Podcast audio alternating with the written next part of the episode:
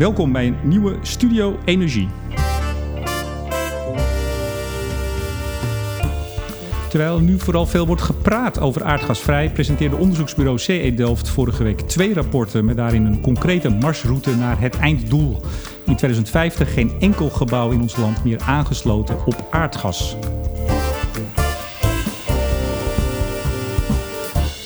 Hoe halen we ieder jaar een kwart miljoen gebouwen van het aardgas af? Wat kost dat? Wie betaalt dat? En hoe reëel zijn alle plannen en prognoses eigenlijk? Ik ga erover praten met de algemeen directeur van CE Delft. Mijn gast deze week is Frans Rooyers. Ook deze uitzending wordt weer mede mogelijk gemaakt door de Nutsgroep en Team Energie van Ploem Advocaten. Meneer Rooyers, hartelijk welkom. Goedemorgen. We zitten hier in uw pand in Delft, hè, aan de oude Delft. U heet CE Delft. Ik heb hier gestudeerd. Voor mij nogal een, eh, een, een beetje terug in de tijd. Nou, er zijn een hoop mensen die hier gestudeerd hebben. Ook ik heb hier gestudeerd. Ja, hè? Ja, ja. Dit, dit, dit is een bolwerk van Delftenaren, of niet?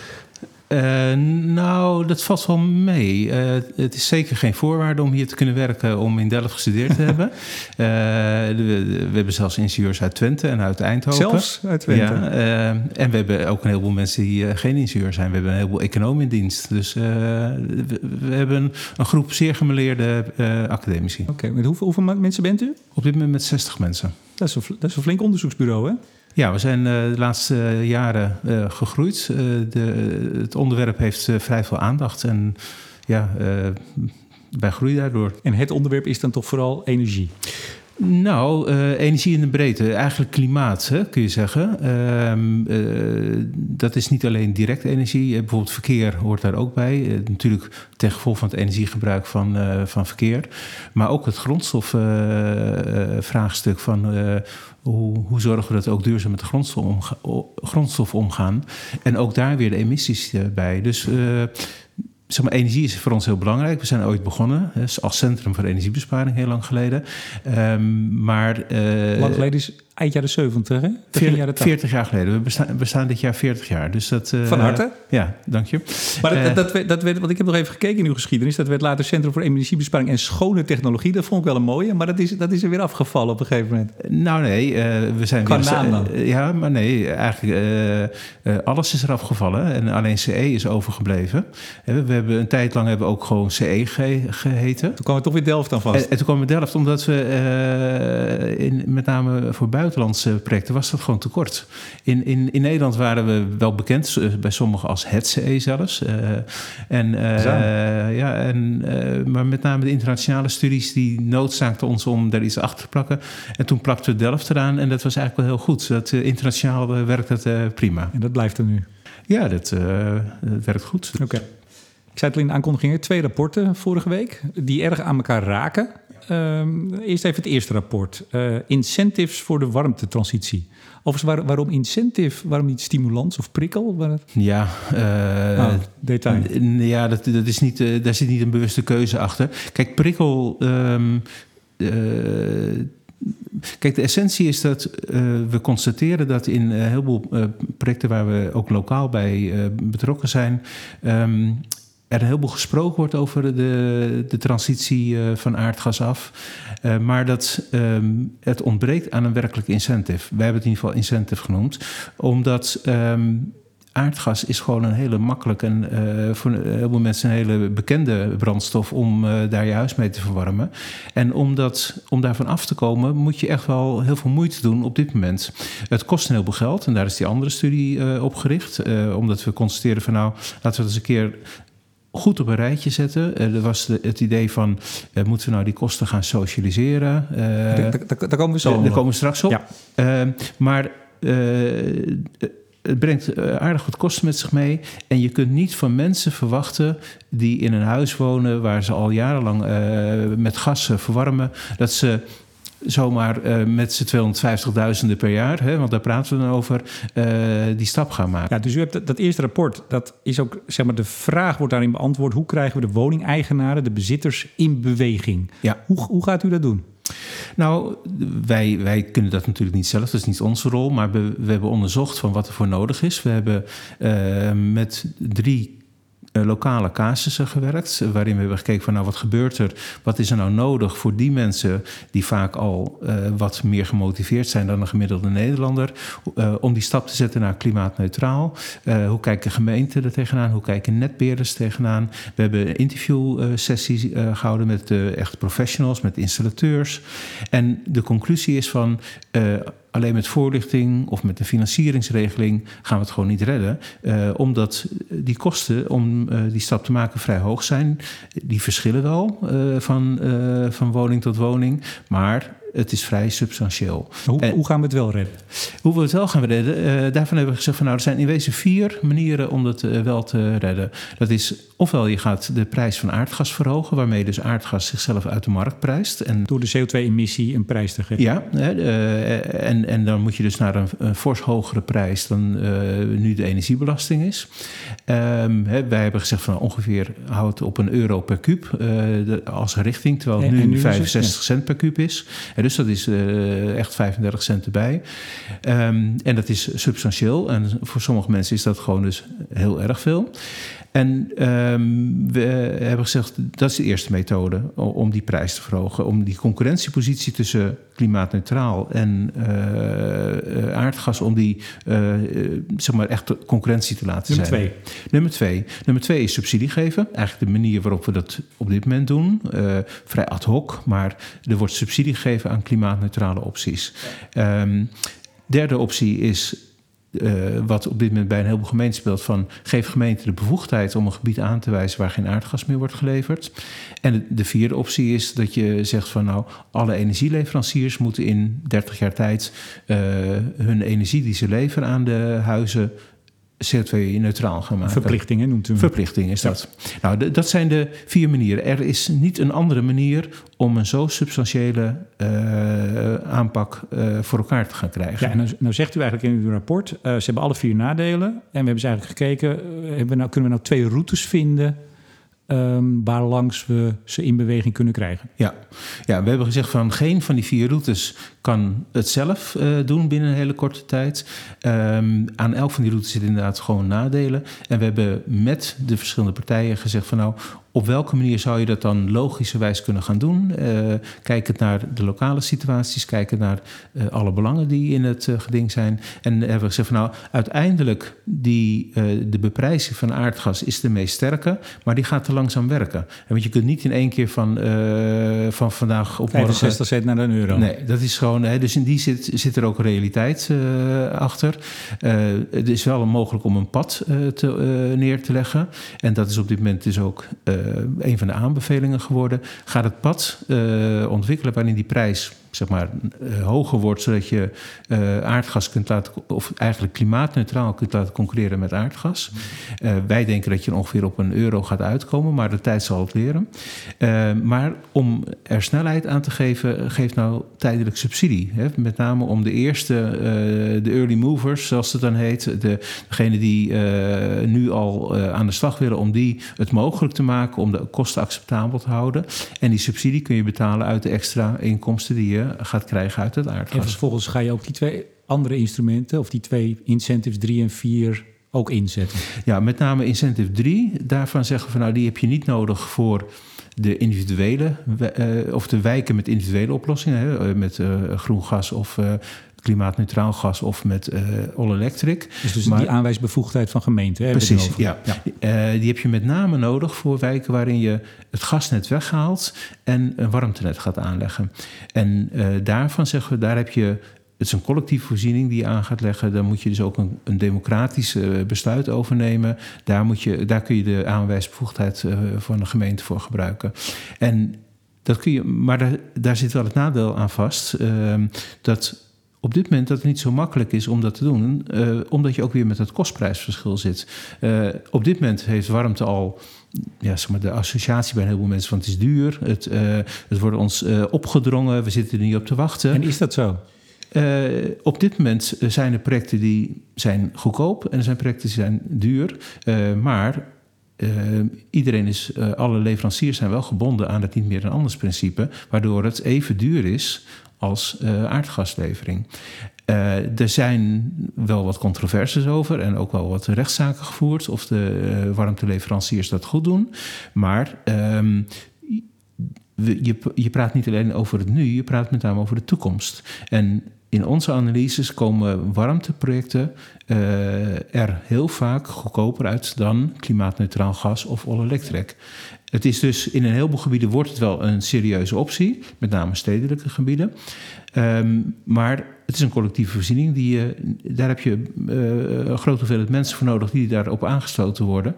En daar heb je dus een, zeg maar, zo'n aanwijsbevoegdheid voor nodig. We komen zo op die kosten. Ik wil nog één ding even over dat, dat eerste rapport waar we het nu over hebben. Daar, daar schrijft u ook zonder dat de energiegebruiker of de gebouweigenaar akkoord gaat, kan de huidige manier van verwarmen met aardgas niet worden vervangen door klimaatneutraal verwarmen. Hoezo kan dat niet? Waar, waarom moet iedereen akkoord gaan? Gaat dat toch niet lukken? Nou, kijk, het, uh,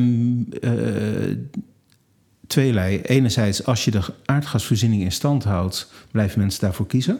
Ja, dus um, uh, als de, de, de, de netbeheerder het gewoon blijft aanbieden, dan krijg je het niet voor elkaar met de huidige prijsstelling, want het is gewoon goedkoper, het is makkelijker. En het gaat mij om dat akkoord gaan. Nou ja, dus, dus ze moeten akkoord gaan. Zij moeten, de, de woningeigenaar moet beslissen om van aardgas naar iets anders toe te gaan. En uh, dat is de ene situatie. Als gas, uh, dus de woningeigenaar is degene die beslist. In de situatie dat je naar een warmtenet toe gaat, kun je ook niet op dit moment zomaar zeggen van uh, als gemeente, uh, wij gaan uh, over twee jaar gaan we een warmtenet aanleggen. het is wel duurder, maar pech, daar, dat hoort er eenmaal bij. Maar ga, gaan we daar toch niet in veel gevallen gewoon op uitdraaien? Nou, dat, dat is juist waar, waar deze studio op Nee, dat snap ik. Maar, uh, maar uiteindelijk, uh, als we zien wat een enorme opgave we hebben... en als we ook zien hoeveel verzet er tegen iedere vorm van verandering is... zal het er toch uiteindelijk op neerkomen dat een gemeente... Dat, maar ik woon in Amsterdam, dat, op, dat ik op een gegeven moment een brief krijg... en nou, binnen vijf jaar gaat uw gasnet eruit. Ja, ik zou het niet eens zo erg vinden. Nou ja, dan moeten we wat anders. Ja, nou goed, de, de meningen verschillen daarover. Hè. Dat mag duidelijk zijn. Dan ja, kijk maar naar de, de reacties die... Hè, er wordt tegenwoordig vrij veel in de, in de media over geschreven. En op internet kun je het nodige erover oppikken. Volkskrant, uh, je had er iets van vijf ingezonden ja, zaterdag... met verzet en protest tegen alternatieven. Ja, en dat ging dan weer met name over de warmtepomp. Hè. De, eigenlijk elke techniek uh, heeft zijn, uh, zijn voorstanders nee, dus, en dus tegenstanders. dwang, zal dat, zullen we daar niet gewoon uiteindelijk op uitkomen? Nou, kijk, dat was een van die routes. Hè. De derde incentive is dwang. Uh, dwang bij de burger. En daarvan zeggen we van nou, dat kan eigenlijk alleen maar als ook die prijsstelling het eerste punt, dat dat een beetje uh, met elkaar in evenwicht is. Je kunt niet nu uh, mensen dwingen. Uh, in de ene wijk zeg je van ga je naar warmte en dan moet je 1000 euro meer betalen. Ja, spech, had je daar maar niet moeten wonen. Terwijl in een andere wijk mogen ze goedkoop aardgas blijven gebruiken. Dat kan niet. Nee, maar dus eigenlijk als ik uw rapport, ik, ik, heb, ik heb hem gisteravond nog een keer doorgelezen het, het, beeld wat ik ervan krijg is, nou, we gaan eerst inderdaad een beetje prijs verhogen, een beetje, beetje subsidiëren. En uiteindelijk gaan we zo langzaam naar het moment dat dat iets meer gedwongen of het aanwijzen, dat dat wat, nou, dat dat wat meer geaccepteerd zal worden. Voor die wijken waar je warmtelevering gaat krijgen, zeker. Ja, dat is dus eh, die combinatie die heb je nodig om ook maatschappelijk die acceptatie te krijgen. En dat is ook wat we geleerd hebben uit Denemarken bijvoorbeeld. In Denemarken hebben ze dat grapje eerder uitgehaald. Uh, Denemarken heeft zelf geen aardgas, dus die zat eerder al met de situatie: wat doen we? En die hebben dus een hoge aardgasprijs, uh, waardoor mensen. Blij zijn met warmte, omdat het goedkoper is dan aardgas. Terwijl het wel duurder is dan ons aardgas. Dus dat, dat geeft dus even aan, mensen kijken toch naar uh, de referentie die normaal is. En daarom zeggen we van nou, je moet zorgen dat het aardgas op een hoger prijsniveau gaat worden.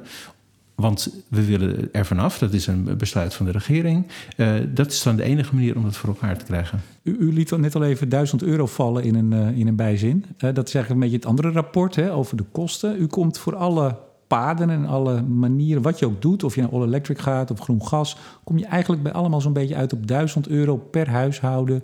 Meer dan wat mensen nu betalen. Per jaar ook, hè? Per jaar. Ja, dus... En dat tot in de, tot in de eeuwigheid. eeuwigheid. uh, nou ja, kijk, wat we hebben gedaan. We... Sorry, mag ik even. Wat betaalt een gemiddeld huishouden nu met gas aan alleen verwarming? Dus niet al het gas, maar verwarming. Ongeveer? Uh, het hangt af van uh, wat, wat, voor woning je zit. Maar de, de kosten voor het verwarmen van een huis, daar hoort dus ook bij de ketel. En niet alleen het aardgas, maar ook het vastrecht. Het onderhoud van die ketel. Waar zitten we er nu gemiddeld op? Nou, is maar een kleine 2000 euro. Per jaar? Per jaar. En dat wordt dus drie? Ja. Ja, dat is ongeveer die orde van grootte waar je. En de, de spreiding, we hebben ook gekeken naar de spreiding. En er zijn uh, mensen die veel minder hebben, uh, maar het hangt af van je gezinssituatie, uh, of je pubers hebt of niet, dat soort zaken.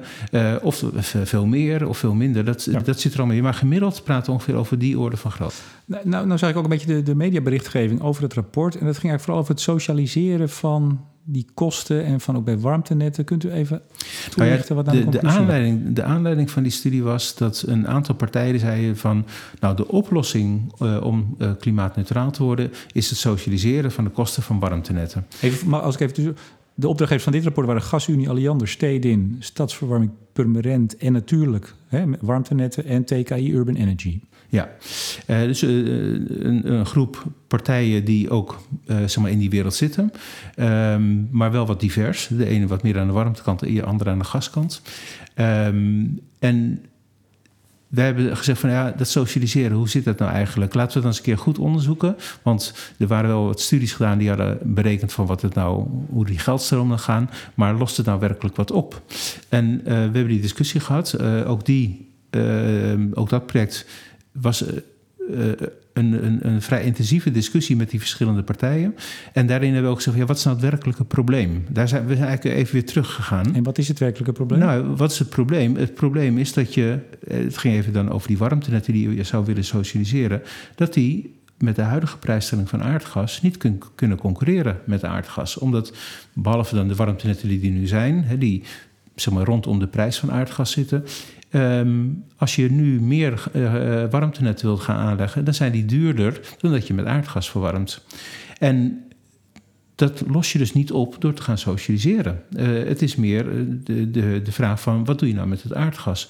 Als je eenmaal hebt geaccepteerd dat je naar klimaatneutraal manier van verwarmen wil, dan is warmte in heel veel gevallen juist een aantrekkelijker optie. Dus je zou dan iets gaan socialiseren. Uh, en die kosten komen bij mensen terecht die op gas blijven. Maar dat gas wordt dan uh, CO2-neutraal gas. En die moeten dan mee gaan betalen aan de warmte. Dat is een hele rare. dus we zijn vanuit die optiek gaan kijken. Waar wil je naartoe? Je wil naar klimaatneutraal. dan is in een heleboel wijken is warmte ook de goedkoopste op, op, oplossing. Dus je moet zoeken naar andere manieren om die kosten te gaan dekken. Ja. Nou, nou, nou ben ik even gaan kijken op uw, op uw website. U, hebt, u maakt heel veel rapporten, hè? We hebben een heleboel rapporten. Heel, heel veel rapporten. Ja, dat is ons werk, ja. Precies. Nou ja, advies- en onderzoeksbureau. Dus u ja. geeft ook advies. Maak je soms ook rapporten. Precies. Wij proberen zoveel mogelijk rapporten ook openbaar te maken. Uh, en ook op onze website te zetten. Zodat iedereen ook kan zien. Dus ze van, staan er nog niet eens allemaal? Er zijn een aantal rapporten, maar dat is een, een minderheid. Uh, waarvan de opdrachtgever zit, zegt van ja, er zit vertrouwelijke informatie achter. Uh, die, die komen niet op de website. Ik, ik zag er iets, ik heb, ik heb even geteld. 80 in 2016, 66 vorig jaar, nu al 10. Dus dat is ja, een flinke ja. productie. Ja. Maar terzijde. Ja. Uh, maar, maar daar vond ik er ook een over. Uh, toen hebt u in opdracht van, moet ik even goed kijken hoor, de warmtenetten van de metropoolregio Amsterdam en Zuid-Holland gekeken of dat socialiseren nou zin had. En daar waren de kop ook bijvoorbeeld bij Energia. Socialisatie, grote warmtenetten levert honderden euro's per klant. Dat was een soort. Dat zal ongetwijfeld een andere vraagstelling of een andere. Nou ja, dat, dat, dat, had inderdaad met die vraagstelling te maken. En dat is ook de reden waarom ik toen heb gezegd van uh, het socialiseren moet je in een breder perspectief bekijken. En je moet niet alleen kijken naar nu, uh, dat warmtenetten voor klimaatneutraal uh, aantrekkelijk zijn dan, dan, dan gasvorming. En hoe zorg je nou dat het probleem wordt opgelost?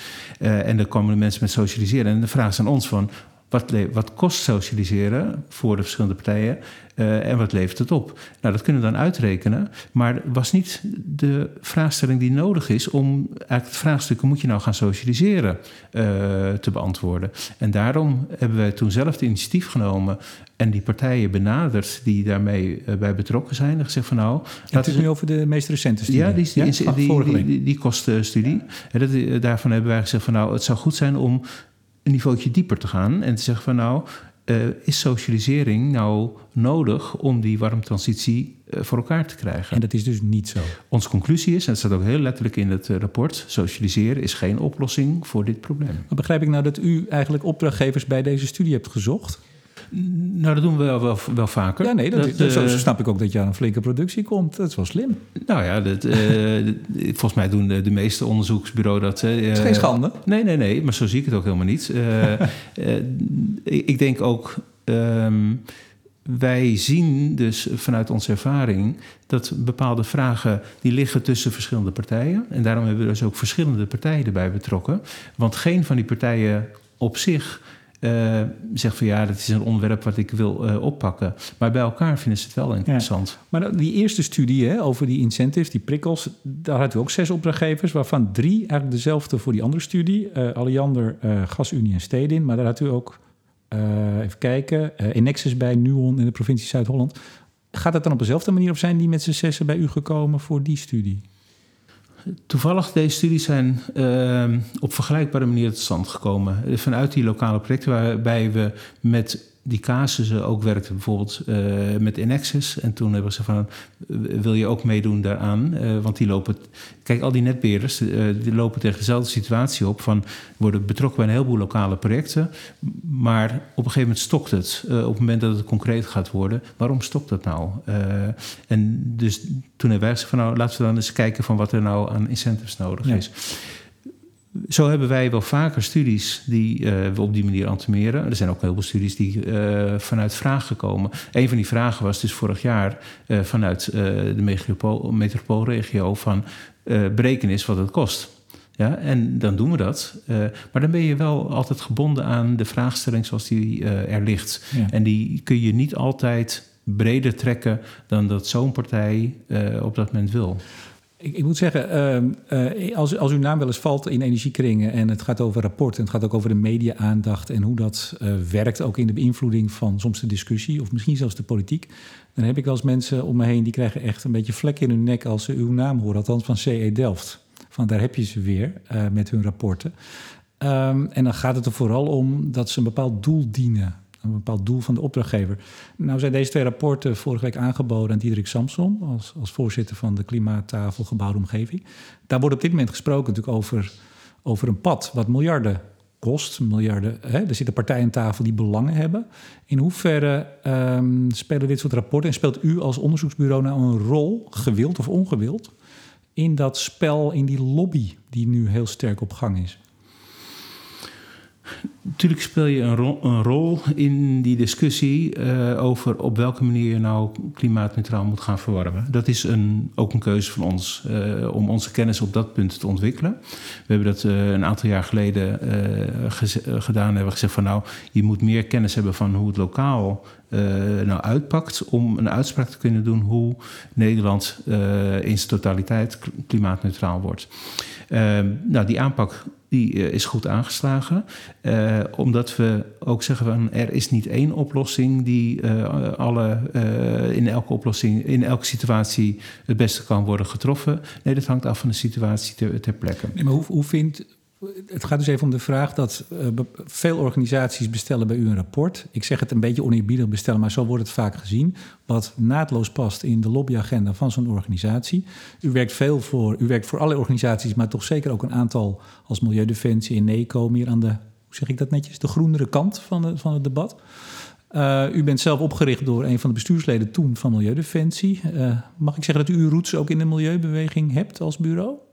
We zijn opgericht door meer organisaties en vakbonden en kerken. Dat moet eh, even compleet, echt maatschappelijke organisaties. Daar ligt, daar ligt onze basis. Maar dat is wel een situatie die inmiddels al 30 jaar weer achter ons ligt. Oké, maar, maar toch even. eh, Maar ik spreek nog wel dagelijks mensen die zeggen: oh, heb je CE Delft weer met hun rapport? Wat, wat, doet u dat iets? Laat ik het zo Nou, zeggen. dan spreek je de verkeerde mensen, denk ik.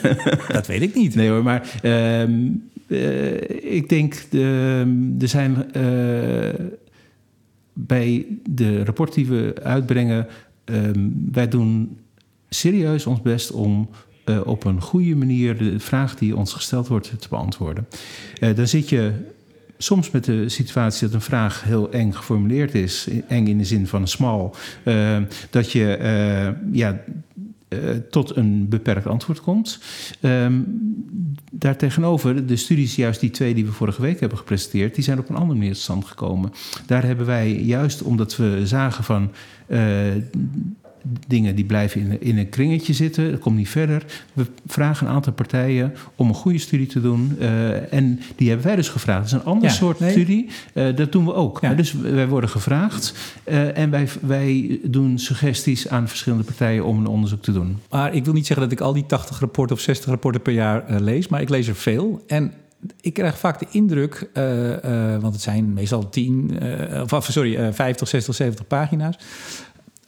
U, neemt, u doet aannames, dat, dat kan niet anders als je een studie doet. en het geeft uiteindelijk, de uitkomst lijkt een soort heel overzichtelijk beeld te geven van de toekomst. Bijvoorbeeld nu uw rapport, hè, dat gaat over de komende 30, 35 jaar. Ik zag bijvoorbeeld dat u voor All Electric in die, die kostenstudie... heeft u de hoogspanningskabels eigenlijk buiten de scope gelaten. Hè, dus die eventueel nodig zijn om uh, als we allemaal aan de all-electric zouden gaan. Ik denk, ja, dat zijn, je moet ergens van uitgaan, maar dat, dat, bepaalt natuurlijk ook wel mede de uitkomst. Vaste biomassa. U ziet voor zo'n, even goed kijken hoor, zo'n 13% van de woning uh, vaste biomassa, maar de extra vervoersbewegingen die het gebruik daarvan met zich meebrengen. Er gaan allemaal autootjes rijden om biomassa af te leveren bij die huizen. Dat zit er dan ook niet in. Nogmaals, ik snap, je moet ergens het afbakenen, maar in hoeverre zijn die rapporten nou echt de werkelijkheid? Nou, wij proberen zo goed mogelijk de werkelijkheid te benaderen, maar dat doe je, uh, elke situatie is weer anders. En bij die afweging om bepaalde kosten wel of niet mee te nemen, uh, heb je te maken met het feit dat sommige kosten heel divers zijn. Maar tegelijkertijd, als ze heel divers zijn, maar heel bepalend, dan nemen we het wel mee. Dan, en dan betrekken we dat in, uh, zeg maar in de analyse. Daarom hebben we dus ook per wijk verschillende oplossingen, omdat we lokale kosten meenemen. Uh, maar van deze kosten hebben we gezegd van nou, die zijn niet dominant in de einduitkomst. Het kost heel veel werk om die goed op een rijtje te zetten. Die laten we expliciet buiten beschouwing. Maar, maar ook bijvoorbeeld, u zegt ja, als, als 15 of 13 procent met biomassa gaan stoken thuis, dan komt er een uh, beperkte uitstoot van schadelijke stoffen vrij, zoals fijnstof. Dat moet je dan toch ook meenemen, of niet? Die nemen we toch ook mee? Ja, dus dat melden we toch ook? Dat, uh, uh, maar is dat ook in de kosten vertaald? Want als het over, over, over uh, kolencentrales gaat, daar heb je ook wel eens studies naar gedaan natuurlijk. Dan, nou, dan tikt dat best aan. Ja, maar het hangt af van de studie. Breng je de externe kosten in rekening, ja of nee? nou, in deze studies, die, die, twee waar u naar, naar vraagt, zijn niet de externe kosten in rekening gebracht. Um, bij, uh, ik denk ook, mijn inschatting is, maar uh, dat hebben we niet expliciet uh, opgenomen, dat die kosten ook weer heel sterk verschillen per gebied. Hè. Dus een plattelandsgebied, daar zijn dat soort kosten hè, van lokale emissies zijn veel lager de externe kosten dan in een stedelijk gebied. Uh, en daarom zie je dus uh, ook in, die, in onze analyses komen met name die biomassa bijstook, uh, of biopellets, daar praat je dan over, met name in, in, de, in de landelijke gebieden aan de orde, waar de externe kosten ook veel lager zijn. Um, ook daarvoor geldt dat we in deze studie daar niet heel diep naar gekeken hebben. Maar er zijn andere studies waar we weer wel verder hebben gekeken naar houtstook en dat soort zaken. Die discussie die, die speelt ook. Het gevaar is natuurlijk vaak dat mensen heel erg selectief alleen naar het persbericht kijken of alleen naar de conclusie. Ja, maar het is. Kijk, je kunt het ook omdraaien. Je kunt zeggen, wij zijn heel transparant over de dingen die we wel of niet meenemen. Uh, er zijn heel veel bureaus die dat allemaal niet melden. Ja, en die ook uh, studies naar, naar, buiten brengen. En uh, wij kiezen ervoor om heel expliciet en ook zo duidelijk mogelijk onze aannames op, op een rijtje te zetten. Um, en als blijkt, als een partij zegt van ja, maar dat, is niet, dat klopt niet, dit is gewoon substantieel, dan zijn wij de eerste om te zeggen oké, uh, kunnen we wat, wat dieper gaan kijken. Uh, wij maken zelf een afweging hè, van, uh, over de, de, de kosten in relatie tot het totaal. en maken een afweging van het kost heel veel tijd om dat heel gedetailleerd in rekening te brengen. Eh, in, in, in beeld te brengen. Doen we dat wel of niet? Als we het niet doen, schrijven we dat op. Nou, die manier die vind ik voor een onderzoeksbureau vind ik, uh, heel goed te verantwoorden. En ik denk dat we veel beter dan menig bureau heel expliciet zijn over wat we wel of niet meenemen. Dat klopt. Maar ik, ik kan me nog een studie herinneren. Ik dacht dat vorig jaar was, nee, 2016, voor Eneco over het sluiten kolencentrale. Daar schreef u gewoon keurig bij. We hebben niet het weglek-effect Hè, van, van CO2 die bijvoorbeeld in Duitsland wordt opgewekt als wij stroom importeren. Ja. Dat schreef u gewoon keurig erbij. Maar dan zie je bijvoorbeeld in de media hoe, hoe men aan de haal gaat met de conclusie dat die kolencentrales prima dicht kunnen. En die aanname van u, die nogmaals transparant is. Ja, maar die wordt er niet mee. Ja, maar dan moet je wel even denk goed uh, in oogschouw nemen dat die studie die ging ook over de Urgenda-zaak. En de Urgenda-zaak is natuurlijk ook een kunstmatige zaak waarin gekeken wordt naar de CO2-emissie binnen Nederland. binnen Nederland. Dus dan denk ik van dat is een hele legitieme manier om zo'n ja, uh, ik wil, ik wil stellen. niet aanvallen, maar het gaat er meer om dat, dat vervolgens partijen en media daarmee aan de haal gaan. En ik kan me zo voorstellen dat u hier met z'n allen zit en denkt van ja, lees nou wel even goed onze aanname.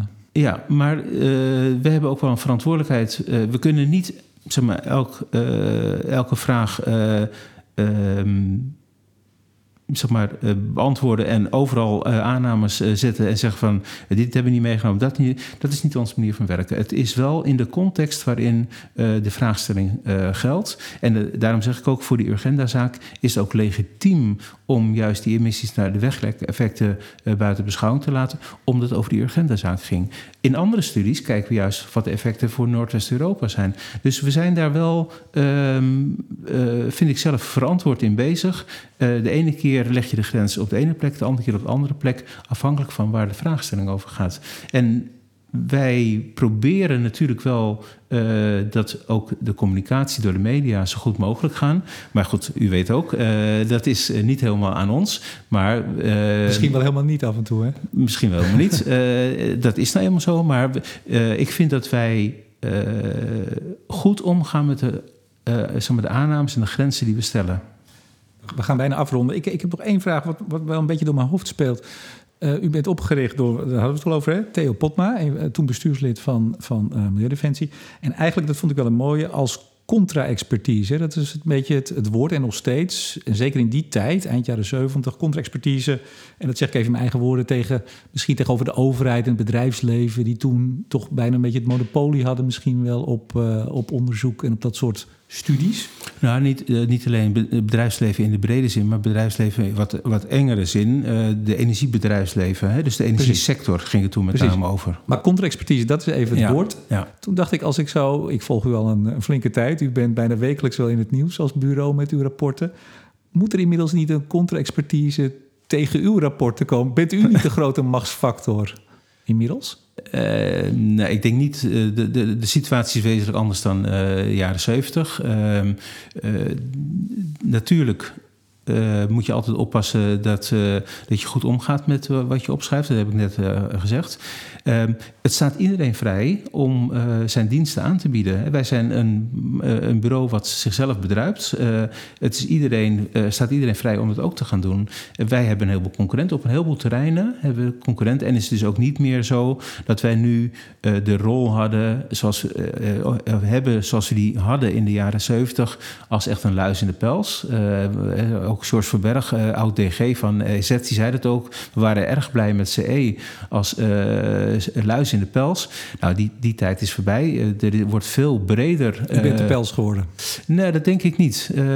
nee, wij zijn niet de, de pels. We zijn, we zijn een van de luizen. maar er zijn er veel meer. En de opdrachtgevers die kunnen kiezen. En wij hebben gelukkig, en daar ben ik heel trots op, een goede reputatie. Uh, en dat sommige mensen onze rapporten niet altijd fijn vinden, is een goed recht. Maar wij proberen op een degelijke manier en verantwoorde manier ons onderzoek te doen. En dat, dat verantwoorden ook in onze rapporten. Slotvraag, en ik, ik hoop een kort antwoord als dat kan. Uh, u hebt weer twee mooie rapporten opgeleverd.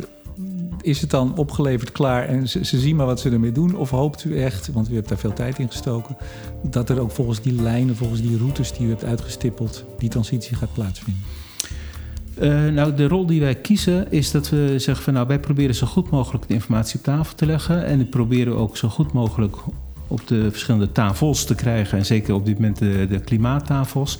Um, maar uiteindelijk is het natuurlijk aan de partijen die daarover moeten beslissen wat ze ermee doen. Uiteraard, maar u ja. hebt toch misschien wel een nou, ik, van binnen een kleine wens. Ik, ik, uh, ik denk, we hebben naar eer en geweten uh, die, deze studie uitgevoerd. En wij denken ook echt dat wil je die warmtetransitie verder krijgen, dat je dit soort incentives nodig hebt om die ook echt verder te krijgen. Ja. We zijn aan het eind gekomen. Frans Rooyers, directeur van onderzoeks- en adviesbureau CE Delft. Hartelijk dank.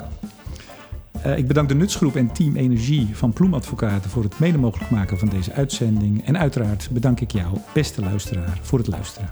Mijn naam is Remco de Boer. Graag tot volgende week.